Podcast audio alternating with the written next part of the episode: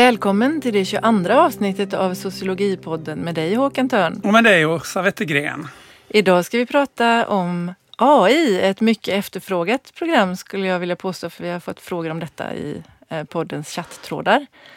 Eh, vi ska prata om AI med vår gäst Adel Daoud som är en av Sveriges ledande forskare när det gäller att använda AI som ett redskap i samhällsvetenskaplig forskning. Ja, man kan nog säga att han hör till frontlinjen också internationellt. Adel är biträdande professor i analytisk sociologi vid Linköpings universitet. Han är också affilierad docent vid Data Science and AI for the Social Sciences vid Chalmers i Göteborg. Och under det kommande året så kommer han att vara knuten till Center for Advanced Studies and Behavioral Science vid Stanford universitetet i USA. Otroligt imponerande och otroligt spännande också. Som du sa här Åsa så har vi ju faktiskt fått önskemål om att vi ska prata om AI här i podden. Och nu gör vi det då äntligen. Och i förra eh, podden så presenterade jag ju boken Den endimensionella människan av Herbert Marcuse som år 1964 hävdar att människan och samhället styrs av en teknologisk rationalitet. Och det är ju nästan 60 år sedan nu. Eh, och, och nu har vi fått ett fenomen som kanske kan beskrivas som en slags självgående teknologisk rationalitet. För att AI utvecklas ju numera inte bara av människor utan också alldeles på egen hand har vi fått lära oss i den här AI-debatten som pågår. Och det känns som förra året, 2022, möjligen kommer att skrivas in i historieböckerna som ett globalt genombrott för AI i och med då att eh, ChatGPT publicerades och gjorde all, gjordes allmänt tillgänglig. Och i år har ju också en rad eh, ledande forskare, bland annat då den svenske fysikern Max Tegmark. Eh, de har gått ut i ett allmänt upprop och krävt att utvecklingen av AI ska pausas. Och Tegmark har ju på fullt allvar hävdat att han tror att AI eller i alla fall att det är högst sannolikt att AI kommer att leda till slutet för mänskligheten. Mm, jag såg alltså ett uh, Youtube-nyhetsprogram uh, där det var en intervju på 20 minuter med Tegmark. Han jämförde då uh, AI och eh, människorna idag med eh, situationen för neandertalare när Homo sapiens kom till Europa. Okay. ja, och eh, han sa att eh, då på den tiden så levde man ju sida vid sida ganska länge, neandertalare och Homo sapiens. Men när neandertalare väl fattade vad de hade att göra med så var det för sent helt enkelt. Homo sapiens eh, var de som överlevde och neandertalarna gick under. Och på liknande vis så menar han då att när folk börjar interagera med AI som blivit smartare än vi och fattar vad risken med dessa smarta maskiner är så kommer det vara för sent. Han säger också att detta är ett politiskt och sociologiskt problem och inte teknologiskt. Ja, det är ju en bra poäng. Men man vet ju inte riktigt vad man ska tro på något sätt, känner mm. jag. Alltså det sunda förnuftet säger ju att vi alltid kan stänga av strömmen till en maskin som börjar bete sig lite konstigt. Men eh, forskare med betydligt djupare kunskaper i AI hävdar ju att det inte är fullt så enkelt. Vi verkar helt enkelt ha att göra med ett Frankensteins monster, alltså en mänsklig skapelse som är fullt kapabel att leva ett eget liv och dessutom kunna ta stryptag på sin skapare då, mänskligheten, om den är på det humöret. Mm, alltså en mänsklig skapelse skapad av människor, för den är ju dock inte mänsklig och det ska vi komma ihåg. Ja. Eh, så frågan är, vad är egentligen AI? Ja, och det är ju någonting som svaret beror på vem du frågar. Eh, alltså det verkar vara ett sånt komplext fenomen AI, alltså att svaren kan bli lika outgrundliga som om du frågar vad är en människa? Och Det gäller ju faktiskt även om du vänder dig till experter på området. Eh, och det klargjorde inte minst en debatt om det här fenomenet på DNs kultursida våren 2023. Eh, jag tänkte bara helt kort redogöra för några argument som anfördes i den artikel som jag tyckte var mest intressant och rimlig. Och den var skriven av Petter Törnberg, eh, docent i komplexa system på Chalmers tekniska högskola och även verksam i Amsterdam. En forskare som vi faktiskt hoppas kunna få prata med här lite längre fram i podden. Men i vilket fall som helst. Han kallar då eh, ChatGPT för en stor språkmodell. Det är ett ganska etablerat uttryck då. Eh, som bygger på artificiella neurala nätverk. Och eh, sådana nätverk eh, utvecklades ursprungligen som abstrakta modeller av våra hjärnor. Alltså motsvarigheten till synapser i hjärnan då kallas i den här typen av artificiella nätverk för parametrar. Eh, och under den processen som äger rum då, från att du Åsa gör en inmatning och du får en utmatning så att säga, mm. det vill säga ett svar på en fråga eller en mm. uppgift som du har matat in, kan sådana här nätverk då utföra flera miljarder enkla matematiska operationer. Och nätverket har också en inlärningsförmåga vilket gör att man också talar om maskininlärning. Vilket betyder att den kan tränas till att utföra uppgifter allt bättre. Och det är utmärkande för sådana här nätverk att de kan lösa uppgifter som varit svåra för traditionella datorer, men i och för sig enkla för oss människor som till exempel känner igen en bild på en katt. Mm. Eh, men de verkar också kunna utföra uppgifter som bara ett fåtal människor klarar. Vilket har visat sig i en rad pågående projekt som Adel nämner i en av sina artiklar. Till exempel då The Next Rembrandt Project visat hur algoritmer eh, som känner igen bilder kan återskapa Rembrandt-målningar. En AI som heter MuseNet komponerar symfonier som efterliknar Mozart, Chopin och Beethoven. Och något som heter OpenAI's Generative Pre-Trade Transformer 3. Skriver artiklar, sånger och manuskript etc. etc. Mm. Max Tegmark säger till och med att de supersmarta AI skulle kunna lösa klimatkrisen åt oss. Det säger han på fullt allvar. Ja, men det, alltså med all eh, respekt för den här kunniga fysikern så tycker jag att det var något av det dummaste jag hört. Han motsäger sig själv där när han säger att det är ett sociologiskt och politiskt problem. För att alltså klimatkris, alltså jag tycker det, det i så fall är ett exempel på när man vill reducera teknisk, förlåt, politiska problem till tekniska lösningar. Ja, man... ja, fast jag tänker att jag tror att han menar snarare, det beror lite grann på hur vi väljer att använda AI. Men, men vi kommer tillbaka ja. till det för att man kan planera till exempel städer med hjälp av AI så att de ja, blir extremt Men jag vill bara ändå flika in där att vi vet hur vi ska lösa klimatkrisen. Det största hindret är att inflytelserika ekonomiska krafter och även politi Inte politiska aktörer ska, motarbetar eh, mm. att vi kan lösa klimatfrågan. Men i alla fall, mm. det som jag tycker är mest svindlande eh, är det som kallas för emergenta effekter av de här systemen.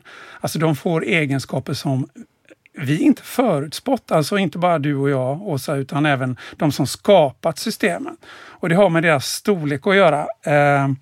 Alltså ChatGPTs nätverk är byggda för att gissa nästa ord i en sekvens. Alltså små nätverk fungerar ungefär som en form av autokorrekt som vi har på våra mobiler. Då. Mm. Men när de eh, når en viss storlek så kan de helt plötsligt få oväntade förmågor som förvånar då även systemutvecklarna. Och enligt Petter Törnberg då, så förväntade sig ingen att ChatGPT skulle kunna göra det den kan. Forskare försöker fortfarande förstå hur AI lärt sig programmera, översätta mellan språk eller försöka orsaka en skilsmässa som vi hört talas om. Då.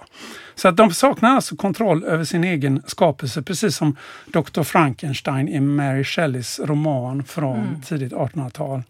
Jag tänker också att det här att, det, det, att träna AI är ju inte längre en, en, eh, aspekt här utan de tränar sig själva. Det är det som är det intressanta, att de sätter igång den här processen och börjar själva träna upp sig eller lära sig saker.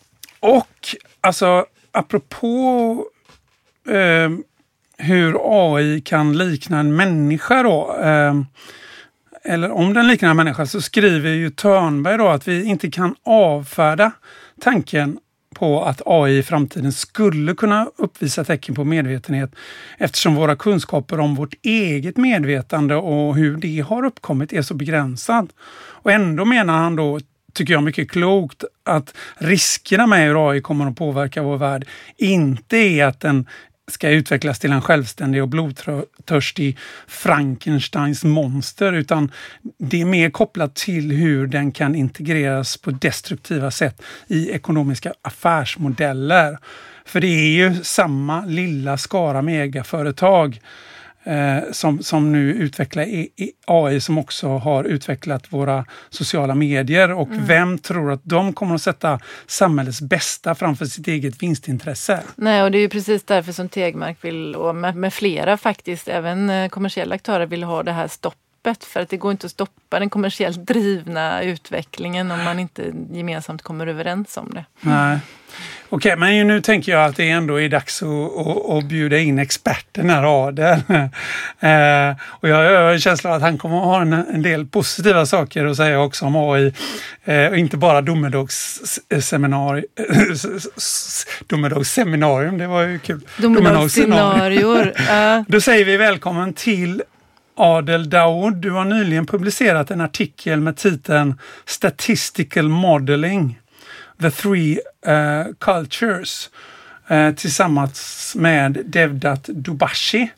Och uh, du har också tillsammans med en hel rad forskare tillämpat den här metoden då som du utvecklar i den artikeln för att studera fattigdomsmönster i Indien de senaste 30 åren. Förklara! Ja, tack! Kul att få vara här och, och lyssna på, på detta eh, väldigt viktiga ämne. Eh, jag skulle säga liksom min, min initiala resa eh, in i det här temat, liksom jag började ju som sociolog samhällsvetare och är ju det är fortfarande förstås, mm. är, är, ju mycket basis i vad, vad ni pratar om. Eh, det låter helt fascinerande med AI. Vad, vad, vad, liksom, vad är det här för någonting? Är det, är det liksom en mördarrobot eller, eller är det någon eh, användbart verktyg? Så att min resa in i det här var väldigt mycket att försöka förstå först och främst, försöka mm. använda de här eh, verktygen eh, och liksom förstå först och främst och det andra försöka se, kan vi tillämpa dem på samhällsvetenskapliga problem? Eh, och mitt eh, ursprungliga intresse i forskningen har ju handlat väldigt mycket om global fattigdom och global hälsa. Hur eh, förstår vi barnfattigdom och eh, liksom, ja, diverse sådana klassiska frågor. Eh, så i de här artiklarna, mycket, mycket, av, mycket av det vi försöker liksom lösa, ett är ju att förstå, sätta någon slags ramverk för hur vi kan tänka kring AI som, som ett verktyg. Eh, så mycket av eh, samhällsvetenskapsforskningen handlar ju om att eh, analysera AIns konsekvenser på mm. samhället. Eh, alltså i termer av arbetsmarknadsförändringar, eh, eh, robotisering av företag och så vidare. och så vidare. Också demokratiforskning som ni nämner också i sociala medier och fake news och diverse sådana saker. Min forskning har handlat väldigt mycket om att se hur kan vi tillämpa det här specifikt då på globala frågor. Eh, så vad vi gör då i en av de här artiklarna att eh, vi har de här bildigenkänningsalgoritmerna som, som du nämnde eh, Håkan, där eh, vi har en algoritm, en modell som kan känna igen huruvida det liksom är en katt eller en hund på en mm. bild. Då.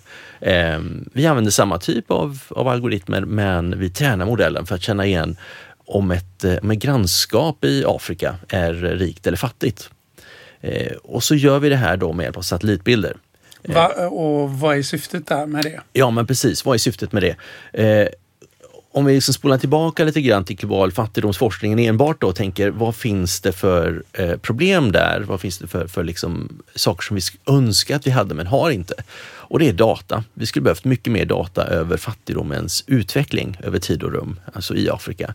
Ehm, och det har vi inte idag. Det är svårt att få den datan. Vi har väldigt bra data över länders utveckling. Eh, vi vet vilka länder som är ekonomiskt starka, vi vet vilka länder som är korrupta eller demokratiska. Men vi vet inte vilka grannskap inom länder eh, har goda förutsättningar att utvecklas och inte. Eh, och har man den datan då kan man ju börja analysera frågor eh, kring just att ja, men vi byggde en skola här. Vilken effekt fick det långsiktigt mm. på fattigdom? Vi, mm, ja, finns, helt plötsligt nu har vi byggt en, ett sjukhus. Vad finns det för konsekvenser på det? Eh, så att med den hjälp av den här datan, vi bygger upp en databas helt enkelt. Att vi eh, inte bara låter algoritmen att se på en bild utan vi låter den se på många bilder över grannskap i, i Afrika. Och då, satellitbilder. Ja, då. satellitbilder. Då. Många fattiga grannskap eller grannskap Alla att grannskap, det är det som är häftigt. Helt plötsligt så inser man ju potentialen i det här. Ja, men varför bara ett enda grannskap? Eh, vi kan väl göra det här över flera. Mm. Eh, vi kan väl göra det här över hela kontinenten. Så det är precis det vi gör i den här artikeln. Vi gör det över hela kontinenten i Afrika från 1990-talet och framåt. Eh, där vi visar en eh, ja, träningsbilder då. Vi visar en vilka områden som är rika och fattiga eh, först och främst. Vi behöver veta det och det, det gör vi genom att triangulera kallar vi det så fint som att vi använder hushållsnivådata som redan är insamlat av andra forskare. Eh, det fiffiga med den datan är att den kommer med eh, eh, latitud och longitud eh, markörer så vi kan då klistra på det på, på, på bilderna. Vad betyder det? Latitud och longitud? Ja, men det är liksom GPS eh, ehm, Koordinater. Eh, koordinater. Koordinater, precis. ja då. Ja, ja, Mm, precis. Mm. Eh, för då kan vi liksom då eh, lägga på de här informationen om vilken grannskap är rikt och fattigt. Mm. Eh, så då, då, då kan algoritmen koppla ihop bilden med utfallet och så får den se en 60 000 olika sådana eh, eh, exempel. Och idén är då att den, nu är den vältränad. Eh, och det kan vi evaluera om den är vältränad eller inte. Eh, och sen så kan vi generalisera då, vi, vi går liksom utanför det här träningsdatat som vi har. Och vi helt enkelt ger den en, enbart bilder i slutändan. Eh, och för de bilderna så ger den ett estimat då, alltså uppskattning på vad, eh, hur rikt och fattigt det här området är. Och så gör vi det för alla liksom grannskap i Afrika och så vips så har vi en ny datamängd eh, som vi kan använda. Det är liksom det vi gör. och- Och varför är det Ja, viktigt att, att få fram den datan? Ja, precis. Det knyter an till det jag pratade om lite tidigare. Att, att nu när vi har den här datan, och det kan man ju säga att det är liksom en deskriptiv data över, över hur eh, utvecklingen har sett ut i de här grannskapen. Eh, och nu har vi möjligheter att evaluera utveckling på en, liksom en granularitet, alltså, eh, så, som vi inte kunnat göra innan. En noggrannhetsnivå? Noggrannhet, precis. Så att vi kan, om vi tänker oss eh, Nigeria då som ett, som ett land som är ju i och för sig ganska, ganska rikt, eh, en av de rikare länderna i, i Afrika, eh, men har ändå stora problem med fattigdom. Eh, och då blir uppstår ju frågan, varför gör det här landet så bra liksom på ekonomiskt eh, liksom, aggregat om man liksom tittar på helheten. Eh, mm, ja, men ett sätt att förstå det är att det finns områden i Nigeria som, som har det väldigt dåligt. Eh, och då måste man ju eh, packa upp eh, liksom det här datat då. och det är det vi gör. Vi, vi kan liksom se med, med bättre förstoringsglas helt enkelt. Hur fattigdom och rikedom egentligen fördelar sig då? Ja, precis. Inom länder Ja. och över tid. Väldigt viktigt då att vi kan se saker ske över tid då. Så Eh. den kan också få se bilder på hur det har varit och jämföra med hur det är nu? Precis, exakt. Eh, och vi använder då, eh, ska knyta satellitbilder från NASA. Eh, och de, har ju, de, de bilderna är, är fritt tillgängliga för, för forskare att använda. Och de är på 30 gånger 30 meter upplösning. Eh, så man tänker sig sin, sin mobiltelefon så, så jagar vi, i alla fall förr i tiden, eh, liksom högre och högre upplösning på, på mobilen för att få bättre och bättre bilder. Eh, och den, den upplösningen i mobiltelefon är ju väldigt, väldigt hög jämfört med eh, en satellitbild. Ehm, men 30, 30 gånger 30 meter, bara för att få känsla, det är ju liksom då, man tar det i kvadrat och så är det 900 eh, eh, eh, Kvadratmeter. Precis, och det blir då en färgupplösning. Så att det är liksom bara en färg. Så det är svårt att se mitt hus är ungefär på 800 kvadratmeter i Uddevalla och där är det, skulle den i princip bara få en enda färg. Och det går ju inte att se hur, hur det huset, den, den lilla liksom platsen där jag bor, hur, hur, hur, hur det ser ut i kvalitet. Men istället så ser man då grannskap då. Om man, om man börjar liksom titta på över större yta eh, så kommer man börja urskilja eh, ja, områden som helt enkelt är oftast grönare, kanske har pooler, kanske har finare vägar och så vidare. Som då algoritmen går igång på och börjar liksom se som, eh, som markörer för eh, rikare. Kan man använda den här informationen då till att göra någonting åt fattigdomen och hur det fördelar sig? Ja, men precis. Så det är ju nästa steg då. Så att, och det knyter lite grann an till vår diskussion om AI i stort. Att, att AI, eh, vi pratar ju om dem i, i, singular, alltså det är liksom en en, liksom, ett medvetande. Eh, men när man börjar liksom lära sig mer om de här algoritmerna och de här eh, eh, skillnaderna mellan olika typer av, det finns ju bildigenkänningsalgoritmer, det finns språkigenkänningsalgoritmer, det finns andra typer av algoritmer som är olika saker. Mm. och vad vi gör är helt enkelt att vi, vi, vi liksom undersöker möjligheten att använda de olika algoritmerna i olika forskningskontexter. Då. Mm. Så för att svara på din fråga, då kommer vi använda den här datan helt enkelt för att titta på det här specifika forskningsprojektet eh, om hur Världsbankens olika program i, i Afrika, men också kinesiska program vad det får för effekter. Exakt, Jag precis. Mm. Så helt plötsligt kan vi börja se då, eh, okej okay, men eh, kinesiska program kanske lokaliseras mer på områden där det finns eh, eh, naturresurser. Det, det, det, är liksom välkänt att det, att det är så, men, men också att det finns ekonomiska allianser som byggs upp. Eh, och det i sig kanske inte nödvändigtvis är, är är bättre för fattigdomsbekämpning mm. eh, men, men, kan ju få ändå positiva bieffekter för, för bekämpningen mm. eh, långsiktigt. Mm. Så det kan man ju då analysera eh, liksom, eh, bortanför de här politiska allianserna som, som också byggs upp. Eh, men, men, också då om man jämför med andra typer av program som Världsbanken som kanske har andra typer av intressen, mer, mer marknadsbyggande intressen, eh, vad vi kallar liksom mer eh, neoliberal politik eh, som man vill bygga upp, eh, fungerande marknader och så. Vilka effekter får det på, på fattigdom? Mm. Så då kan vi använda vår data för att besvara de här frågorna över, över en längre tidshorisont. Mm. Men också kunna jämföra över, över flera, många fler fall än vad vi kunnat göra tidigare. Man skulle också kunna använda det för att se hur eh, eh biståndsinsatser har för ja. effekter på omgivningen. Till exempel bygga en väg eller bygga en brunn eller något sånt där. Precis, exakt. Ja. Så att det, det blir liksom ja. eh, biståndseffektivitetsforskning om man säger så. Det. det. är liksom en eh, klassiskt område eh, som man kan använda eh, eh den datan för. För biståndet är också en sån eh, väldigt eh, politiskt infekterad forskningsfråga helt enkelt. Ska vi ge mer bistånd? Ska vi minska biståndet? Vilken effekt får det? Är det verkligen effektivt? Så det går mycket till korruption, eh, visar en del forskning.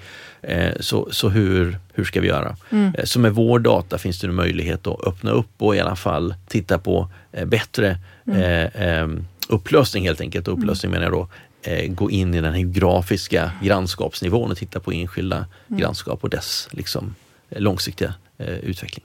Om man ska gå in lite på metoddiskussionen mm. då. Ehm, så eh, i den här artikeln som vi nämnde här mm. så eh, hänvisar ni till två olika traditioner för statistiskt modellbyggande. Statistical Modeling Culture mm. som är hypotetiskt deduktiv och Algorithmic Modeling Culture mm. som är induktiv. Då. Det, och, och, ni skriver att det och då kanske vi ska till... förklara att hypotetiskt men betyder att det kommer från en teori om hur saker och ting ser ut mm. och sen så samlar vi in statistiska data på det och så ser vi hur det, hur det artar sig. Och det här induktiva handlar då om att man går ut och tittar på hur ser verkligheten ut mm. som ni gör med era bilder och samlar information. Mm. Precis, bra mm. Åsa. men, men, och, och det här kopplas då också till att eh, skriver ni då att det inom samhällsvetenskapen görs en skillnad mellan forskning som fastställer eh, orsakssamband mm. och forskning som förutsäger sociala processer. Men alltså då tänker jag, är det ändå inte så inom klassisk samhällsforskning att utgångspunkten har varit att för att kunna göra förutsägelser mm. så måste man förklara. Ja, Ja, eh, väldigt bra eh, poäng där. Så, så fokuset för, för, ehm, för de här två kulturerna har ju varit liksom en slags eh, statistisk approach på hur man tänker sig att eh, modeller byggs upp. Mm. Eh, så då har man den här ena modellen som, som Åsa, alltså den här deduktiva modellen, då tänker man sig att man har en teori om världen, alltså eh, säg hur bistånd fungerar eller hur fattigdom bekämpas. Mm. Och så eh, tänker man sig att man, man samlar in eh, data då som, som ska liksom representera ens teorier i mm. modellen. Eh, och den modellen testar man gentemot världen då. Mm. Eh, och, och, och det är, den, det är liksom första Och ser man kulturen. ett samband så Ja, så man... ser man ett samband så tittar man oftast på, ja men vad blev då värdet mm. av, mm. av av att, att öka bistånd och vad skulle det få för effekt på fattigdom. Det är liksom en deduktiv approach. Eh, och det är ett sätt att verifiera eller förkasta våra teorier om världen. Men de kan ju vara helt fel. De kan ju fortfarande passa liksom, till en viss del, den data vi samlat in. Men, men antagligen inte det det bästa sättet att förutsäga Eh, Vad som kommer att hända. Nej, precis. Nej. Utan då är det mer att verifiera hur en modell eh, om världen, en teori, eh, skulle kunna då eh, skrivas in i statistisk modell och, och mm. liksom på så sätt evaluera dess validitet. Eh, den andra approachen liksom är mer induktiv och det, det, det, kan vi ta den här bildmodellen till exempel som är ett bra exempel på det, mer algoritmiskt driven. Där finns ju ingen teori. Vi, vi har ingen teori om, om mm. hur bilden, satellitbilden eh, som vi har ska förutsäga fattigdom. Det, den är ju, det är liksom, var ska jag börja? Mm. Ska jag säga den här pixeln, eh, när den är gul så ska det, då betyder det mer eller mindre fattigdom. Eh, alltså, jag vet inte var jag skulle börja. Ja, då kanske du säger, men skulle inte du kunna koda upp vad det finns? Koda upp då, liksom att du tar en du tar en eh, penna, digital penna med bilden och så ritar du. Här finns en pool, det ser ju mm. rikt ut. Och så, mm. det, ja, så gör du så över alla bilder. Mm. Det skulle ta en evighet att göra. Mm. Och vad är det som säger att det bara är poolen som mm. spelar roll? Liksom, ja. Mm. Så vad vi gör där istället är att vi låter modellen bara hitta sambandet. Men, men, men då får jag då en, en modell eh, som gör ganska bra ifrån sig i, i, i predik, prediktivt sammanhang men har liksom väldigt lite förklarbarhet. Jag vet inte vad exakt det är som gör att den predicerar så bra. Mm. Och det är samma med de här eh, eh, eh, large language models som, som du nämnde eh, tidigare. Stora Håkan. språkmodeller. Ja, stora mm. språkmodeller som, som också på samma sätt fungerar att, att eh, de är stora, de, de fungerar men vi vet inte var, varför de fungerar. Mm. Eh, vi vet bara att de har tillräckligt med eh, statistisk eh, kapacitet att fånga nyanser i mm. datat. Mm. För ni vill ju skapa, så här, i förhållande till de här två eh, statistiska mm. modellerna, så föreslår ni någon slags syntes. Just det, precis. Så vi föreslår en, en, en, en, en hybrid då, eh, som, som kombinerar det bästa av två världarna. Eh, för det är ju ändå så att i vetenskap och samhällsvetenskap i stort eh, så finns det en strävan om att förstå och förklara fenomen i världen. Mm. Så det är en väldigt viktig premiss. Vi kan inte bara jobba med de här bildmodellerna för att förutsäga fattigdom och säga att nu är vi klara, vi kan mm. förutsäga fattigdom. Eh, nej, vi måste förklara varför fattigdomen uppstår. Eh, och då kan man då använda de här eh, modellerna i, i synergi med varandra, helt enkelt att man Eh, ja, Samarbeta med varandra. Ja men mm. precis, det, det, är ungefär som att eh, du ska laga en, en god maträtt. Du, du, du jobbar liksom med flera ingredienser för mm. att uppnå bästa effekt och, och bästa mm. smakupplevelse. Och så föreslår vi också i, i eh, samhällsvetenskaperna och vetenskaperna i stort att vi mm. kan då eh, evaluera vilka de här modellerna passar bättre till, helt enkelt verktyg, mm. passar bättre till, till vissa frågeställningar som att skapa data. Då. De är mm. utmärkta för att skapa nya data då, mm. på det här sättet som, som, som ett exempel bara för att skapa fattigdomsdata. Um, men, men att sen använda det i förklaringsmodeller, för det är det som händer sen att vi använder den här datan i enklare, mer deduktiv approach då, alltså helt enkelt att vi sätter upp en modell om, om vår förståelse om världen. Eh, men så använder vi den här datan eh, för att, för att liksom evaluera det, så att det blir liksom mm. en kombo där. Mm. Och då skulle man kunna liksom uppnå en effekt, till exempel att man hittar sätt som, som gör att man också kan förutsäga att om vi gör så här så kommer fattigdomen att minska. Om Just vi gör så här så kommer den att öka. Precis, ja. exakt. För det är det vi behöver ändå. Vi måste ju kunna, liksom, både för vår egen strävan att kunskapsproducera, att förstå Eh, inte bara predicera utan också förstå varför och förklara varför fattigdomen uppstår. Mm. Då behöver vi enklare modeller. Eh, och, och det, det, det, är liksom det som är, det finns också en hel uppsjö av, eh, ja, av, av, nya metoder som heter, inter, alltså forskningsfält som heter interpretable AI och explainable AI, att man försöker på olika sätt ändå packa upp modellen. Mm. Eh, men vad vi gör i den här artikeln är att vi, vi går in och, och, och tänker oss att eh, sätta liksom mer programmatisk så här vision för vad kan samhällsvetenskaperna ändå ta med sig från de här nya verktygen som finns. Att inte bara liksom se det som någon slags eh, datavetenskaplig mm, mm. Eh, eh, eh, metodutveckling utan faktiskt börja liksom se vad, vad, vad finns det för fördelar men också kanske anpassa de modeller till, till våra. Eh, eh, Frågeställningar och behov. Ja, och precis. Mm, precis. mm. Och där kan jag nämna ett exempel eh, som, som jag tycker är ett ganska häftigt exempel just med språkmodeller. Eh, så jag jobbar med global, eh, globala frågor som ni vet och en, ett relaterat fält är, är då hur policytexter av olika slag, alltså politiska texter av olika Mm. slag, eh, hur man kan använda dem igen då för att, för att liksom samla in data. Så i, i, i mitt fall så har jobbat en del med internationella valutafondsforskning, alltså att eh, Mm. IMF då, vilka effekter dess Mm. politik får på fattigdom. Eh, Och då ska tilläggas att de ger då lån till exempel till Just det. fattiga stater för att eh, de ska kunna utvecklas, men på Precis. vissa villkor. Så. Ja, Mm. exakt. Och de villkoren är väldigt kontroversiella rent Mm. politiskt. Att det, det är oftast mer liksom, eh, man, Nyliberalisering Ja, ja, och kommersialisering. Exakt. och, Och, och, inte precis. så mycket välfärdsstat. Nej, precis. Senast i. Europa var det ju Grekland som, som liksom Mm. var, var involverat under Mm. liksom strikta politiska. Mm. Eh, Men, men, men det, det, från forskningsperspektivet så finns ju väldigt, väldigt mycket data som IMF producerar i form av text. Mm. Alltså pdf-texter som, som man kan läsa om vad IMF tycker om ma- eh, globala ekonomin och så vidare. och Så vidare.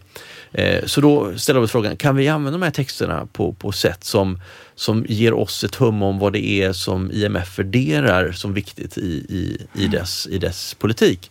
Eh, och det kan man göra genom att läsa manuellt och det gör vi också förstås, det är väldigt viktigt. Och koda upp en del. Men, men ett annat sätt är att man kan då eh, träna modellen så att den blir lite som IMF. Mhm. Eh, så kan man fråga sig, okej men så den pratar lite, ni har säkert hört talas om sådana här chatbots liksom, Ja, som, som man har en stor modell och så tränar man den lite grann på sig ja, eh, George W Bush så börjar den liksom prata som George W Bush eller, Mm. eller liksom skriva som, som eh, ja, Shakespeare och så vidare. Eh, vad vi gör är att vi får den att tuna så den- den blir som IMFs texter. Mm. Eh, och då kan vi utföra olika experiment på det, helt enkelt att vi kan liksom skifta olika textsnuttar i det här och försöka liksom, som är viktiga för oss som forskare, Mm. för att se hur den reagerar på de här förändringarna. Mm. Då kan man liksom helt enkelt använda de här textmodellerna för att simulera olika scenarier, Mm. eh, få producerat olika texter med under att manipulera liksom saker som är viktiga för, för oss för att se skillnader i, i texterna. Så det, det är ett annat exempel på hur man skulle kunna använda. Mm. Ja, textanalys, Exakt, alltså som ja, AI, ja, AI som, eh, Ja. som, som textanalytiker. Precis, Eh, precis. Men det, jag, jag har en fråga till också om den här artikeln om metod eh, som handlar om att ni skriver att eh, det finns vissa etiska problem, Mm. eh, praktiska och etiska, i den klassiska så att säga, eh, forskningen som jobbar med slumpmässigt urval. Mm. Och, Mm. Eh, och, och, och då skriver ni att eh, de här problemen har varit drivande i den här datarevolutionen. Alltså, kan du utveckla det? Ja, precis. Så ehm, inom en liksom, stor del av vetenskapstraditionen handlar om det här med att förstå orsak och verkan. Då. Eh, och vad man har eh, gör, gjort eh, är liksom att experiment blir ju en slags eh, center för, för hur man tänker. Man, man försöker manipulera då ehm, vad man kallar en, ehm, en behandling. Eh, som du tänker inom medicin till exempel. Man ska Mm. pröva en ny medicin så, så behöver man ju först experimentera och se om huruvida medicinen faktiskt fungerar. Mm. Och för det så behöver man ju utföra vad man kallar ett eh, randomiserat experiment. Eh, och inom medicin så finns det etiska föreskrifter för vad man gör och det är liksom ett etablerat sätt, eh, eller etablerad procedur för att göra det.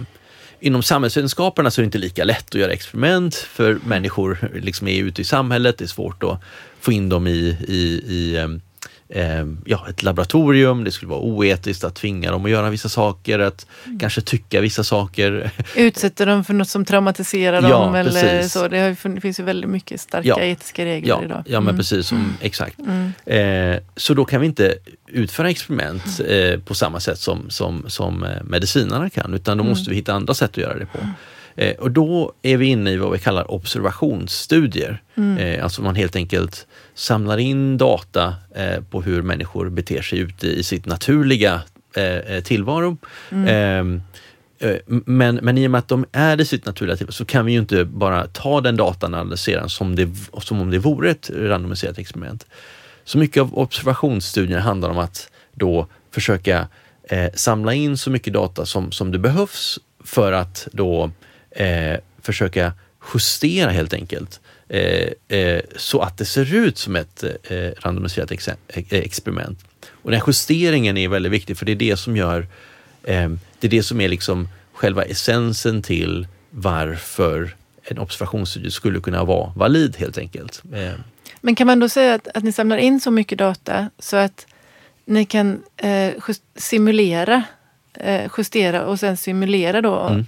Inte, alltså ni gör inte det här i verkligheten men ni låter precis. maskinen göra en simulation av om vi nu ändrar den här faktorn så blir det så här istället för, på, baserat på vad AI redan vet om hur människor faktiskt beter sig där ute. Och det, eller? Ja, så, så det, liksom det, det vi gör eh, mer, mer specifikt, alltså den sista biten, just det här med, med AI. Eh, vi, vi har eh, i, i det här fallet då, så säger, säger liksom, vi går tillbaka till afrikanska kontexten där, Mm. eh, där vi tittar just på utveckling. Eh, vi kan liksom inte randomisera vart nästa kinesiska program ska vara eller nästa Mm. världsbanksprogram ska vara.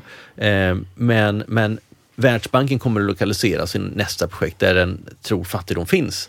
Eh, men då betyder det ju liksom att om vi bara skulle titta på den datan, då ser det ut som att om man bara tittar på korrelation, då ser det ut som att fattigdom... Alltså att samband, Världsbanken- korrelation. Ja, men Mm, precis. Då ser det ut som att Världsbanken orsakar fattigdom, för den går Mm. dit fattiga är. Eh, Det är som eh, om du skulle titta på liksom korrelationen, eh, sambandet mellan att jag går till en läkare, eh, det, är of, det är oftast sjuka människor som går till läkare som behöver hjälp.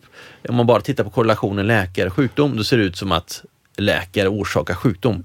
Eh, så, så då måste man ju liksom justera för det faktum att det är ju andra saker som driver fram vad man kallar selektionen, alltså att, att gå till läkare eller att, att väljas in i Världsbankens program.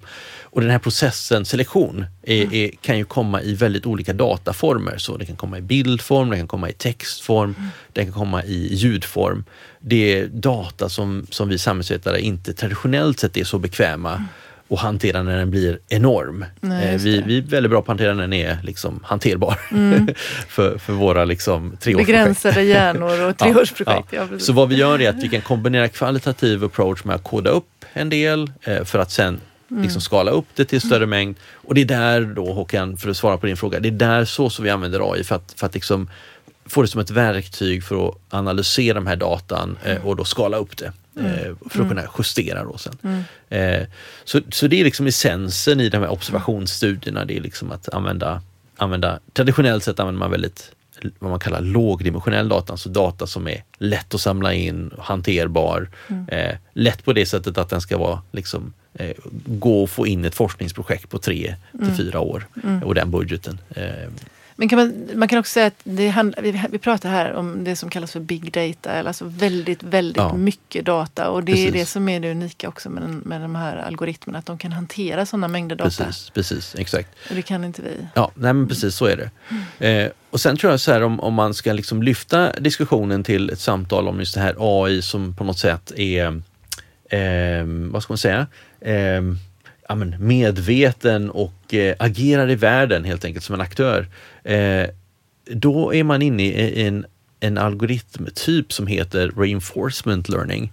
Eh, reinforcement learning, vad skulle svenska översättning vara? Reinforcement, eh, betingande inlärning kanske man ska Ja, man det. lär sig av att man lär sig så att säga. Och så Ja. lär man sig mer och så blir man Ja, ännu mer. Precis, och något det, sånt. det, Ja. de, den typen av, ja, de är liksom det att en sekventiell beslutsfattande helt Mm, enkelt. Att eh, de kan spela ett spel från början till slut.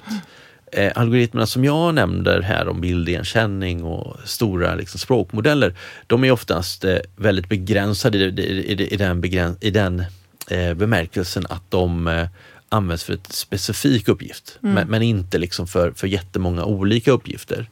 Eh, Så OpenAIs stora språkmodell det är en kombination mellan språkmodell men också eh, den här reinforcement learning som kan liksom svara på en, en, en, en sekvens av frågor och skapa liksom svar som är helt vettiga. Det är samma typ av algoritmer som finns i bil, självkörande bilar eh, och så vidare. Eh, så då är ju frågan, den typen av algoritm, är det är liksom det vi är oftast oroliga för? Det, det är liksom den det är det som skapar nästan medvetandet som gör det lite skrämmande. Kan, kan man, Reinforcement learning. ja, men precis. Eh, Men när du pratar om det här med skräckscenariot och randomized eh, learning och sådär. eh, Hur ser det ut egentligen? För att du pratar ju om att ni får, ni får tillgänglig information till exempel från NASA då. Det är bilder som alla kan använda och så. Men hur ser det ut egentligen? För att all den här informationen som vi matar in när vi interagerar med nätet. när vi postar grejer på Facebook och Instagram och så vidare. Eh, eller till och med liksom när vi kör i vår Tesla-bil Mm. eller vad det nu skulle kunna vara. Matas det in i något moln någonstans som faktiskt AI kan lära sig av och ha Mm. tillgång till? Eller hur ser de liksom restriktioner och etiska regler runt detta ut? Användandet av den här typen av data? Jag tror det här är liksom essensen i, en, en av elementen i de här samtalen som vi ser liksom om, om AIs framtid och datahantering. Ehm, så när det kommer till vår specifika liksom, data som vi använder, det är ju öppen data, alltså Mm. satellitbilder. Den är ju så pass hög upplösning så man kommer ju aldrig kunna se ett ansikte liksom, Nej. eller att, att jag promenerar på gatan eller, eller så. Eh, så. Där ser jag väl liksom mindre etiska problem. Ehm, sen klart när du börjar kombinera ihop det med annan typ av data, det är liksom då problemen uppstår. Till exempel då, säg Afrika, då helt plötsligt så, ja men här, här vet vi, den här typen av etnisk minoritet lever här, Mm. så här rör de sig, så här utvecklingsgrad har de. Då kan det ju uppstå politiska problem förstås. Mm. Ehm, och de, den, det ställningstaganden är ju en viktig del av, av den politiska debatt och, och den forskningsetiska debatten, eh, ska jag säga. Eh, och frågan om sig självkörande bilar och social media, det går ju tillbaka till vad Petter Törnberg pratar om, om, om de kommersiella företagens intressen. Att Det är klart att de sparar ju på, på så mycket som det bara går för att liksom optimera och, och bygga modeller men också kunna sälja saker till dig. Mm. Eh, Så, så att eh, det, på det sättet är det ju Så i- olika i, användningsområden. I princip kan allting som vi matar eh, I princip så kan det ju det. in i något moln faktiskt, eh, så länge det, inte, är- så länge det är avpersonifierat så att säga, användas som data. Ja, ja Ja. absolut. Alltså det, det kan det göra. Och, och Jag ser liksom ingen begränsning i vad du kan använda det till, alltså i, i, för träning då. Och inte heller kanske begränsning rent, rent etiskt. Du skulle kunna använda det till väldigt my- mycket och många saker som är bra men, men också dåliga. Eh, och det är en debatt som är men det är lite grann så kärnkraftsdebatten, liksom, att vi vet hur kärnkraft fungerar, vi är på att utveckla den, fortsätter utveckla den och effektivisera den. Men det kan användas till att göra bra saker med den, skapa energi, men också dåliga saker som att spränga planeten. Då kommer vi in lite på den här stora debatten där ju ledande forskare Mm. har uppmanat till eh, en paus i Mm. utvecklingen. Mm. Håller du med om det? Alltså egentligen inte, ska jag väl säga. Jag ska utveckla. Och jag tror att, jag tror att det, det handlar mycket om, om min egen liksom erfarenhet av att använda den, de här verktygen. Jag, jag skulle liksom säga att alltså 99,999 procent av de här algoritmerna är långt ifrån att bli så smarta och inte heller så att vi skulle kunna få dem så smarta som, som att de skulle kunna liksom ta över världen och, och skapa den rädslan. Det som oroar mig lite grann med den här typen av, av debatt som vi ser att det finns ju också, och det ska jag inte tillskriva till specifika liksom forskare, men det finns ju en tendens kan jag se att, att eh, om man skriker lite högt och man, skapar lite rädsla så får man uppmärksamhet själv.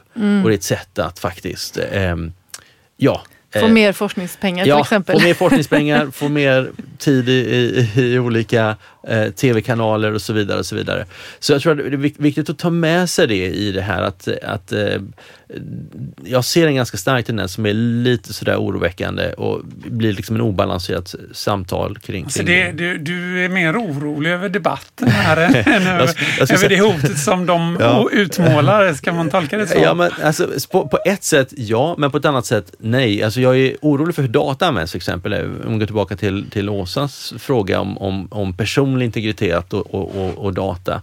Eh, alltså, de här AI-algoritmerna kan ju inte göra någonting alls om inte de har data. Det är liksom själva, eh, vad ska man säga, förutom faktisk energi för att träna dem, eh, så, är, så är liksom, behöver de data, det är deras mat helt enkelt. De, de behöver det. Ehm, och har de dålig data så kommer de göra dåliga eh, ja, prediktioner helt enkelt. Eh, så data skulle jag säga är nummer ett. Eh, men, men att tänka lite mer så att inte kanske pausa forskningen men, men försöka fundera på användningsområde kommersiellt. Alltså gå tillbaka till, till Petters eh, eh, ehm, debattartikel DN. Det tycker jag är en vettigt, vettigt samtal. Alltså. Eh, hur, hur och till vilken grad ska vi kunna använda de här sakerna eh, i, i kommersiella syften. Nummer tre som jag tror är kanske ännu viktigare det vi ser på de demokratiska institutionerna är ju under ett större hot nu när social media har fått så stora, stort utrymme. Och när nu vi ser också social media kan bli manipulerat. De, de algoritmer de använder kan bli manipulerade av andra algoritmer. Så det blir liksom en slags algoritmisk krig mellan de olika eh, eh, positionen om man säger så. Mm. Och man kan flytta upp agender, politiska agender Ja, och man ja. kan manipulera val och man kan... Ja men precis. Mm. Eh, så så jag, jag ser det som, som mycket annat och det kanske är en, brist som, som, som eh, eh, forskare ändå, att jag ser som forskningen som väldigt viktigt att veta gränserna för vad vi kan göra med det här, både i positiva och negativa termer. För att om vi pausar utvecklingen och helt plötsligt så, så vet vi inte vad de negativa konsekvenserna skulle kunna vara, så, så är ju det en risk i sig. Så det är mycket bättre att, att fortsätta forska och forska djupt, eh, investera mer, eh, men föra en, en vettig debatt om användningsområden. Det, det är liksom min rekommendation i den här debatten. Tack. Då tänker jag att vi går vidare till den här frågan som varför blev du sociolog Adel? Jag är sociolog. Ja, nej men det är en fråga om, jag skulle säga det, det är ju alltid ett sökande över kunna liksom göra saker som är intellektuellt eh, eh, givande. Alltså det börjar väl där för oss alla. Eh, jag kommer ihåg när jag var student, jag började studera nationalekonomi. Eh, jag har studerat statsvetenskap eh, och eh, filosofi och matematik och, och sociologi blev det. Eh, jag skulle säga på ett sätt är det, är det väl lite av en slump. Liksom. Det finns en sekvens av inlärning, man själv lär sig om världen och samhället. Jag har alltid varit samhällsintresserad, men också alltid varit teknikintresserad. Eh, jag har liksom inte lärt mig så mycket om, om, om liksom, ja vad ska man säga, eh, naturen, universum, även när jag studerade matematik, det var, det var liksom en riktigt häftig upplevelse. Eh, men man kunde inte använda det direkt till, till saker jag, jag, jag tyckte var, var viktiga som samhällsfrågor. Eh, så sociologin för mig blev, blev eh, ett val Eh, eh, jag brukar dra en analogi just att, att det tillåter mycket. Det är en vetenskap eh, som, som tillåter att, att du liksom bygger upp ditt som ett, eh, liksom ett sandlåda man bygger sina slott och experimenterar och leker med. Eh, och, och det tillåter dig att göra det. Nackdelen är, är, ju, är ju att eh, i och med att fältet är så stort, alltså att det, eh, sandlådan är väldigt stor, att du, du bygger liksom ett eget slott och det är lite svårt att, och liksom för att eh, samtal över fältet, för alla har ju sina slott att, att leka med. Eh, så det är väl kanske den liksom negativa aspekten med, med sociologin. Men, Det är så men den brett. positiva. Ja, det är väldigt Det har brett. vi haft väldigt uppe brett. på Ja. tapeten förut när vi har eh, pratat om varför man blev sociolog. Ja, och på, på ett sätt så var det Mm. faktiskt väldigt viktigt för mig att spendera lite tid i den amerikanska kontexten. För en amerikansk sociologi liksom passade mitt sätt att tänka Mm. mer kanske den kontinentala sociologin som som var väldigt viktig i början, just det här liksom, ja, som ni vet, relativism och man får ju liksom läsa väldigt mycket saker om, om den filosofiska biten som är en viktig del i utvecklingen. Men, men, eh, men på något plan så hamnade jag i ett syntes där mellan liksom sociologi men också då, som jag ändå eh, känner mig gnutta datavetare också här i det här fältet. Då. Även om jag inte doktorerat i, i datavetenskap så har jag, upptäcker jag nu liksom mycket datavetenskapligt tänk och det, det klingar bra med mina samarbetspartners som jag har på Chalmers och hur liksom jag använder eh, de här algoritmerna i min egen forskning. Det en, en, en fråga som vi brukar ställa också är ju vad kan man ta med sig i vardagen från din forskning? Det känns ju nu som att eh, nu kan ju alla bli eh, forska med, med AI. Precis. Alltså, Vad, skulle, vad är din rekommendation? liksom? ja, nej men alltså, jag, menar, jag har ju två hattar. Jag har ju den eh, eh, liksom global fattigdom-hatten och försöker förstå fattigdomens orsaker. Eh, och, och, och det andra är liksom just det metodologiska intresset. Jag, jag tycker det är kul med, med att ja, men se hur en språkmodell fungerar eller liksom bara titta på en Youtube-video om, om matematik, om hur liksom de här sakerna fungerar rent matematiskt. Eh, så jag skulle ge, ge två rekommendationer. E, ett är ju det här att, att titta på planeten, eh, som man får i den globala, globala frå- takeaway, är liksom titta på planeten som en integrerad del. Vi är i Sverige, vi har tryckt här som vi har det, men, men vi är en del av en, en större, ett större sammanhang och vi måste bredda vårt perspektiv. Eh, jag skulle önska att vi, vi liksom slängde bort våra pass och levde liksom i en enda stor planet som, som förstod planetens vikt. Vi hade liksom plan, planetarisk demokrati eh, där vi kan liksom ro hamn de här stora frågorna från AI till, till fattigdom till miljöfrågor.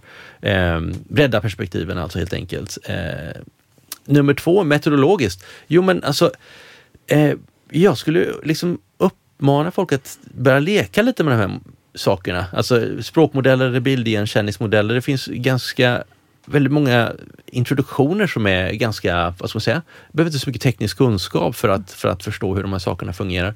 Jag vet att eh, Universium här i stan har ju eh, ett, eh, en utställning om just matte och AI för, för, för, för barn och det är liksom bara försöka lära känna de här algoritmerna lite mer. Eh, det är en hel, vad ska vi kalla en djurpark, en zoologi av algoritmer. Så det är inte bara en sak utan tänk att det är flera saker och, och, och då studera de här sakerna på, på sina egna termer. Vi behöver lära oss mer om de här sakerna för ja, att också förstå hur ja, de precis. Eh, Exakt. påverkar oss. Lyssna lite mindre på kanske debatten och gå med mm. i den här. Liksom, ibland blir det lite mm. för mycket Domedag. Ja, lite för mycket domedag just för att det är jag skulle inte säga att det är heller en positiv sak, för det finns ju stora problem. Men det är, det är, inte, det är inte AI som är problemet, det är hur vi använder AI. Mm. Det, det, är precis som, mm. som med, med, kärnkraft och andra saker också. Mm. Eh, här på, som människor håller på med. Så att, så att, ja. Har du något boktips? Boktips, ja. Alltså skönlitterärt eller, ja, eller populärvetenskapligt? Ja, eller, så. eller om man vill veta mer om det. Ja, men veta mm. mer. Ja, men alltså boktips. Jag har ju jag har, äh, flera boktips, populärvetenskapliga, men också kanske om man ska tänka sig skönlitterärt, men då är det mer kanske film. Äh, just för att vi brukar säga, klaga mycket, vi läser så mycket i vårt jobb och det är mm. jättekul, men mm. jag försöker läsa mindre på min fritid och då är det film som, som brukar eh, vara det to go to för att slappna av lite. Eh, film, jag skulle vilja nämna um, uh, The Bicentennial Man, uh, 200-årsmannen tror jag den svenska översättningen. Ja. Mm. Uh, Robbie Williams, inspelad 2000 tror jag det är. ungefär kom den ut då. Mm. Då handlar det just om en, en, en AI, en, ja, i en form av en robot som Robbie Williams spelar. och hans, um, hans, hans resa. Till, till att vilja bli människa. Mm. och Eh, att bli accepterad som människa. Eh, och han börjar ju som en stenrobot eh, och, och liksom går igenom den här resan och, och jag ska kanske inte avslöja, avslöja för nej, mycket. Men, ingen, nej, men det, inga spoilers. Nej, nej men, men den, den, den, avslutas på ett väldigt, väldigt, väldigt fint sätt, alltså hans resa. Och det, är liksom, det handlar om vänskap, det handlar om kärlek. Och ni kan bara tänka er själva att leva 200 år som människa, mm. vad det skulle innebära för era sociala relationer över, över tid. Ja, eh, så ja, kanske, kanske kan man sympatisera med AI ja, ja. på, på, ett sätt som, som, eh, som eh, ja, eh, den här filmen ändå mm. ger inblick i. Bra tips. Mm. Mm. Vi, vi, kommer också ge lite boktips som du hade med dig här just på populärvetenskapliga böcker. Just det. om AI. Ja. Om AI. Ja. men absolut. Det är en som, bara väldigt kort, mm. heter The Master Algorithm. och då handlar det om ja, en, en bok av Pedro Domingos som, som ger liksom den filosofiska, historiska utvecklingen för de olika skolorna. Mm. Eh, för hur eh, man vill då, eller så, skolan för att utveckla AI. Så att det är inte bara en skola, det finns flera konkurrerande skolor mm. och eh, eh bara för att ge ett exempel, en av dem är ju den här neuro eh, connectionist heter de på engelska, mm. alltså nätverkstänkande, de som mm. har hjärnan som eh, modell för hur vi ska bygga eh, en AI. Eh, och kan man kontrastera det med eh, The Bayesians då som bygger på Thomas Bayes eh, som var en präst i, i, i England 200 år sedan. Mm. levde då och kom upp med det här The Bayesian Theory som är liksom en väldigt populär matematisk perspektiv. Mm. Där handlar väldigt mycket om osäkerheter, alltså hur mm. kvantifierar vi osäkerheter i, i AI, algoritmer, mm. i algoritmer i stort. Då. Det finns fem skolor så det finns väldigt mycket spännande ja. att läsa om. Ja, men, Dess äh, boktips hittar ni sen i podden poddens eh, informationstext. Mm. Just det. Mm. Tack för det tipset och tack för att du ville komma hit och dela med dig av dina kunskaper. Ja, men tack Tusen tack var det. Tack, det var jättekul. Tack. Hej då. Hej då. Och då är det dags för vårt boktips och idag är det du som har valt. Åsa, vad har du valt? Jag har valt en bok som heter Emotional AI, The Rise of Empathic Media. Det är alltså emotionella, emotionell artificiell intelligens och eh, empatiska media. Mm. Av en författare som heter Andrew McStay. Boken är från 2018 så den är ju då fem Ja, det har hänt en del sedan har hänt en del, ja precis. men, vem är McStay? McStay är alltså professor av Digital Life på Bangor University, eh, Bangor i Wales. Ah, okay. Mm.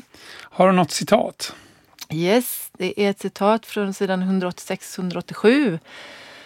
Det är frestande att säga att eftersom maskiner är irriterande och ofta ganska dumma kommer människor alltid att ha övertaget när det gäller empati på grund av sin känslighet för sociala sammanhang, signaler, normer och uppträdande. Ett höjt ögonbryn vid ett olö- olämpligt tillfälle är en fysiskt liten handling men kommunikativt kan den vara mycket betydelsefull. Förmågan att intuitivt härleda betydelsen av en sådan handling i en dynamisk social situation är något som människor oftast utmärker sig för. Maskiner har dock sina egna starka kort på hand. De kan utöva, utöver mikrouttryck känna av, samla in, bearbeta och tolka offentlig detaljinformation som är oåtkomlig för människor. De kan också jämföra och minnas på sätt som människor inte kan. Med tanke på dessa förmågor är det helt rimligt att hävda att vi i allt högre grad lever med teknologier som uppvisar en form av emotionell intelligens. Detta avser förmågan att uppfatta känslor, kategorisera beteenden, lära sig att känna igen dessa i nya miljöer, anpassa sig och respondera på lämpligt sätt. Precis som människor kan maskiner också använda sig av tidigare kunskaper om en person, en grupp, en situation, interaktioner och andra kontextuella ledtrådar. Detta gör att de kan göra bedömningar och förutsägelser om människor. Ja, det var ett långt citat. Det var ett långt citat. Uttömmande. Och jag kan tillägga att det är översatt av DeepL som är en språk-AI. Ja, så du har använt dig av en AI här alltså? Mm. Precis. Mm. Intressant. Mm. Uh, ja, men, uh, ja, men det känns ju som en uh, väldigt uh, komprimerad sammanfattning av hela boken kanske? Eller? Det kan man absolut säga. Det är väl det här han driver genomgående. Så säger han sig att... Alltså, jag ska också säga det att Max Day han kommer från en bakgrund inom medie och kommunikation, kritisk teori och framförallt STS, alltså Science and Technology Studies, som är en sociologisk spin-off kan man säga. Mycket... Alla kanske inte skulle hålla med om det. Men... Nej, men okej. ehm, och eh, en hel del filosofi då från Aristoteles till Kant och Heidegger. Men han har också gjort en hundra, hundra stycken entimmesintervjuer med personer som jobbar med AI inom industri, nationell säkerhet, juridik, policyutveckling, kommunalpolitik och olika NGOer som driver frågor om integritet. Men mm. boken handlar alltså om den snabba utvecklingen av empatisk media och han säger då att AI blir egentligen först riktigt värdefull eh, som instrument när den kan känna av våra emotioner och därmed intentioner. Men, Men. kommer den någonsin att kunna göra det? För något, på något sätt så är det som att det jag har tagit till mig av debatten eh, om AI är att den skiljer sig från människor just för att den saknar förmåga till både intentioner och emotioner. Japp, men den kan eh, icke desto mindre förutsäga detta och det här skiljer då eh, Max Day på det han kallar för kognitiv och emotionell empati och det i korthet betyder då att vi kan kognitivt så kan vi förstå och, och, sätta oss in i en annan människas skor eller, eller eh, sätt att agera och handla utifrån den personens specifika förutsättningar. Men det innebär inte att vi behöver känna sympati för den personen eller så, utan det innebär bara att vi kan förstå hur den personen känner givet om den situation som den personen befinner sig i. Man tar på sig en annans rock helt enkelt. Eh, och, och fattar hur den personen ser världen och varför den agerar som den gör. Den det kan, kan AI göra. Ja, den kan på ett sätt uttrycka känslor men inte känna dem. Alltså det, det gör att när... Läsa av och uttrycka. Ja, för, för att fatta sig kort då, så kan ju en AI hämtar in väldigt mycket information om beteende utifrån det här sättet givet olika situationer och interaktioner och så. Eh, och det gör att den kan förstå och förutsäga hur människor kommer att agera. Men den kan själv inte känna någonting. Nej. Nej. Och den har kanske själv inga intentioner utom de som vi har matat den med så att säga. Eh, Eh, men det här att eh, maskinerna nu i allt högre grad lever med oss, det är alltså en effekt av att de mer om att, eh, att olika maskiner, ta Alexa, Siri och så vidare, men också andra program som vi interagerar med, de, de studerar oss så att säga. De lär sig hur vi fungerar och de manipulerar oss då på gott och ont. Och det är inte säkert att vi inser att de gör det, för vi ser dem inte som, som, som någon som observerar oss, utan som maskiner och mjukvaruprogram som servar och underhåller oss. Men allt som vi matar in i interaktioner med en in, artificiell intelligens gör också att den intelligensen samlar in data, mer data om hur vi människor beter oss. Mm. Så det fick mig att inse faktiskt eh, den här boken att det här är liksom en tvåvägskommunikation. Det har jag liksom inte tänkt på förut. Inte ens när jag, du vet, när jag sitter och jobbar med DeepL till exempel, som jag Ja. tycker är en fantastiskt bra språkbot. Liksom. Den gör jättebra, jätteackurata översättningar och sen om jag vill ändra ett ord så går den in och testar och frågar, vill du då i så fall att jag ska ändra resten av meningen så här? Och så vidare. Så det är en interaktion mellan mig och den här eh, språk eh, intelligensen då. Eh, och sen översätter den ju då klockrent. Liksom. Jag behöver inte jobba med att göra egna översättningar utan den föreslår jättekorrekta översättningar till danska, till engelska, till franska, vad jag nu skulle vilja ha det Ja, översatt ja, till. jag har faktiskt också den Mm. erfarenheten. Men då ska man komma ihåg att det, den samlar också in information om mig samtidigt och den lär sig av mig hur jag vill att en text ska se ut i Ja, ett visst sammanhang. Men det här med, kan du inte säga någonting mer om det här med emotionen ändå? Eh, hur, hur Max Day menar att AI... Ja, den samlar ju då in alltså, det. det. som är grunden för eh, alla de här programutvecklingen, eh, eller programutvecklarna då som försöker lära AI att förstå emotioner. Det, det är alltså en tradition som kommer från Darwin som numera kallas för den Ekmanska traditionen som handlar om att det finns ehm, så kallade grundemotioner eh, som är universella med universella påkopplade då Som fysiska uttryck. Som till exempel ilska, lycka, eh, intresse, rädsla, sorg. ehm, ja, Mm. och så Okej. vidare. Eh, och då, då matas så att säga ehm, Ehm, det finns ju då forskning som har visat att de här, den här bilden är ett, ett ansiktsuttryck för rädsla. Så eh, datorn matas med, eller AI matas med en väldig massa sådana bilder då, precis som Adel var inne på här, massa bilder av olika fattigdomsområden. Men här pratar vi istället om olika emotionsuttryck. Eh, och då lär sig datorn till exempel att känna igen ett ledset ansikte, ett glatt ansikte, ett argt ansikte och så vidare.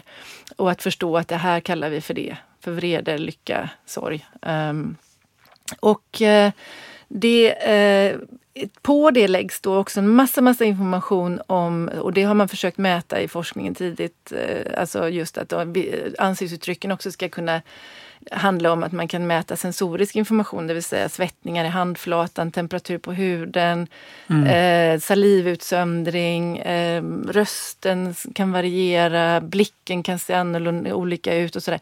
Eh, och, och, allt och hjärtklass, hjärtslag och puls och så vidare. Och allt det här kan ju datorn också få tillgång till genom olika program, inte minst då spelutveckling och spelprogram, datorspel. Där, eh, som ligger väldigt mycket i framkant på att samla in sån här som sensorisk information. Därför att de använder sig ju då också av virtual reality och där kan man liksom studera ögonrörelser och man kan mäta hudtemperatur och man kan eh, mäta hjärtslag. Jag ser framför mig här en anställningsintervju där arbetsgivaren har en, en, en AI som liksom läser av eh, den arbetssökande. Lite, lite läskigt. Och till detta så läggs ju då också att eh, eh, den här så kallade sentimentanalysen som man kan göra med topic modeling som till exempel våran kollega, eh, våra kollegor, några av våra kollegor arbetar med i i sociologin. Eh, men att man också då rent språkligt kan se vilka språk, vad pratar människor om? Eh, hur pratar de om det och vilka sentiment eh, framträder då, eller känslor framträder i samband med att de pratar om detta och så. Mm. Mm. Nej men alltså det, eh, den kan lära sig oerhört mycket om mänskliga känslor men utan att själv känna någonting. Men ändå förstå liksom att de, den här känslan kan ge upphov till det här beteendet så att säga. Mm. Mm. Eh, sen har ju, ska sägas också att den här teorin om Ekmans eh, eh, tradition inom eh, emotionsforskningen då har ju motbevisats gång på gång så att där finns en svaghet i systemet också att det faktiskt inte riktigt ser ut på det här sättet. Vi har inte exakt samma universella uttryck, vi har inte Nej. några grundemotioner, det finns otroligt många fler och så vidare. Ehm, bland annat har Lisa Feldman Barrett som är neuropsykolog skrivit om detta i en bok som heter på svenska Så skapas känslor. Och sen är det också det här när man samlar in på nätet och, och liksom de här olika, ni vet, eh, förstärkningar av olika eh, arga reaktioner runt någon typ av händelse som, som en algoritm kan då reproducera och, och liksom mata på och eh, piska upp en allmän publikvrede och sådär. Eh, där är det också så att när man försöker mäta liksom kollektiva sentiment på nätet så, så, eh, så finns det ju eh, det är något som Max Day kallar för imitationstesen. Att man, liksom man, man, som användare så kanske man imiterar ett argt beteende utan egentligen vara speciellt arg för att man befinner sig i ett sådant sammanhang, i en sån chattråd. Sen finns det ju också då troll som går in och stör detta så att mm. man inte kan faktiskt mäta det utan det är fabricerat på olika sätt av trollfabriker. Men i eh. sådana sammanhang är det väl ändå det viktiga liksom vad det är för effekter då av... Precis. Alltså snarare det gäller ju även människor oavsett intentionerna mm. med att skriva ett inlägg i sociala medier så är det ju intressant vad effekterna blir. Precis, och det, det blir politiskt blir det ju, precis som vi var inne på här nu med demokrati också när vi pratade med Adel, att politiskt blir det väldigt känsligt därför att du kan, du kan liksom skapa agendor. Eh, man kan tänka att politiker har tillgång till någon slags opinionsundersökning om man tänker sig att det bara var rent och opåverkat då av eh, imitation eller trollfabriker eller andra som försöker manipulera så, så skulle man kunna tänka sig att rent politiskt skulle det här vara en bättre, ett bättre sätt att ta reda på vad tycker folk är intressant, vilka frågor borde vi driva i valrörelsen och så. Men eftersom det är påverkat och eftersom det kan påverka så att man eh, bottar som agerar då, alltså AI som agerar och, och liksom matar med information, kan programmeras att flytta upp och flytta ner olika politiska agendor och att skapa liksom massa emotioner och sentiment och föreställningar runt olika eh, agendor som olika politiska partier vill driva. Och det förekommer ju och därmed kan de också påverka val och så vidare. Ja. Och även hitta på saker som inte finns då, bara för att eh, liksom, nämna något. Eh, sen är det också de kommersiella ändamålen. Han är väldigt mycket inne på just att kommersiella syften driver den här utvecklingen. Eh, på gott och på ont. Att, att påverka konsumenter, att, att eh, hitta ens produkter, att liksom mata konsumenter med det man har sett att de redan tycker om och så vidare. Eh, och de har ju decennier legat steget före just när det gäller hur folks beteende påverkas av känslor och hur man skapar lust att konsumera och behov av att konsumera och, och bli en lyckligare människa genom olika produkter och så. Ehm, och sen kan man då eh, utan problem matcha reklam mot enskilda personers konsumtionsprofiler redan idag. Eh, och man kan använda, de använder sig, man skulle också kunna tänka sig, skriver Max Day, att man i stadsmiljöer kommer att kunna använda sig av ansiktsigenkänning för att liksom subtilt eh, nudge, alltså styra folks flanerande i staden till vissa butiker och så. Mm, mm. så det är liksom, ja det är intressant. Så. Men jag tycker ändå liksom det här med, helt klart kan ju AI liksom väcka känslor. Men vi har ju varit inne på det här med att vi har AI som skapar eh, Beethoven-liknande symfonier etc. etc. Mm. Eh, vi har ju faktiskt testat här i podden att eh, med AI-genererade omslag, vi har ju omslag, eh, och eh, några av våra omslag är AI-genererade och vi kan ju låta eh, lyssnarna gissa vilka det är. Vi säger mm. inte det. Men, men, vad, men vad tyckte vi om det, Åsa? De... Nej, vi tyckte det var rätt andefattigt. Ja. Ehm, på något vis eh, så saknas kropp och känsla. Precis. Ja, för jag tänker mm. det alltså att på något sätt att eh, i och med att det inte finns ett subjekt med erfarenheter bakom AIns mm eh, liksom uttryck då oavsett om det är någon Beethoven-liknande symfoni eller ett poddomslag. Också, så, så är det någonting där med ett, om vi pratar estetiskt, liksom konst, vad, alltså, att det tog det finnas begränsningar där som har just att göra med mm. eh, att detta inte kommer från ett subjekt med erfarenheter. Liksom. Av, den, av den verkliga världen och hur saker och ting känns. Ja, att det därmed liksom det. Ja, saknas precis. ett emotionellt eh, djup. ja, och komplexitet. Eh, men jag kan ju säga att jag tycker att eh, det som är intressant med AI är ju att, och det har jag ju själv testat att få, låta den skapa liksom eh, beskrivande texter till konferenser och sånt där. Att den kan använda en massa, massa information som redan finns och kombinera det på olika sätt. Men den är inte kreativ och jag tror att det, om man tänker att den är kreativ så reducerar man kreativitet till någonting, alltså att bara använda det som redan finns och kombinera det på nya sätt. Men det krävs något mer, det krävs en ja. känsla. Men, och skulle jag säga mm. då, i, som i sin tur bottnar, från, bottnar i en mänsklig erfarenhetshorisont. Mm.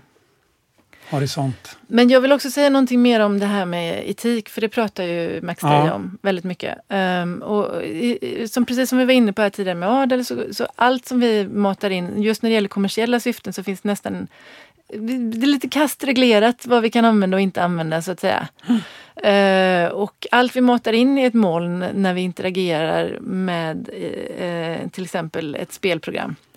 eh, det kan då AI använda sig för att lära sig mer om oss. Men det är inget problem enligt eh, Max Days intervjupersoner, eller många av dem i alla fall, då, för att det är så en extremt aggregerad nivå, precis som vi var inne på här tidigare. Det är inte individer, det är inte personer, det är liksom bara det är liksom datainput från eh, miljoner, biljoner liksom, olika tillfällen. så. Eh, men icke desto mindre så kan det ju då användas till oetiska syften. Ja men precis, det är väl där problemet... Och det är där problemet uppstår, precis. Mm. Och såklart när det gäller övervakning, och han är också inne på policing en hel del och så här och säkerhetsanvändning av det här. När det gäller den typen att vi är på span efter någon på gott och på ont då såklart eh, terrorist eller så, någon som skulle kunna tänkas göra ett terroristdåd. Eh, eh, då är du nere på personnivå och analyserar den specifika personens möjliga känslor och förväntade beteende och vilka interaktioner den har med andra.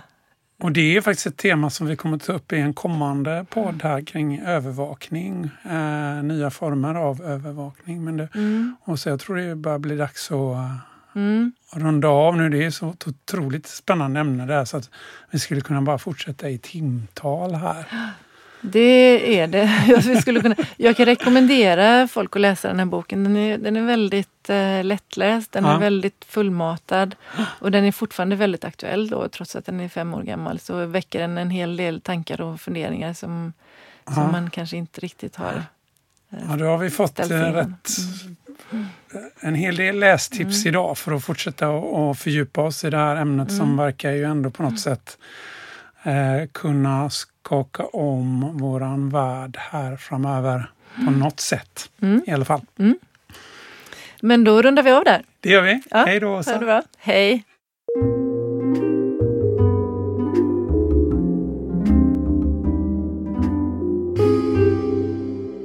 Den här podden finansieras med stöd av Adolf Bratts föreläsningsfond och av Institutionen för sociologi och arbetsvetenskap vid Göteborgs universitet.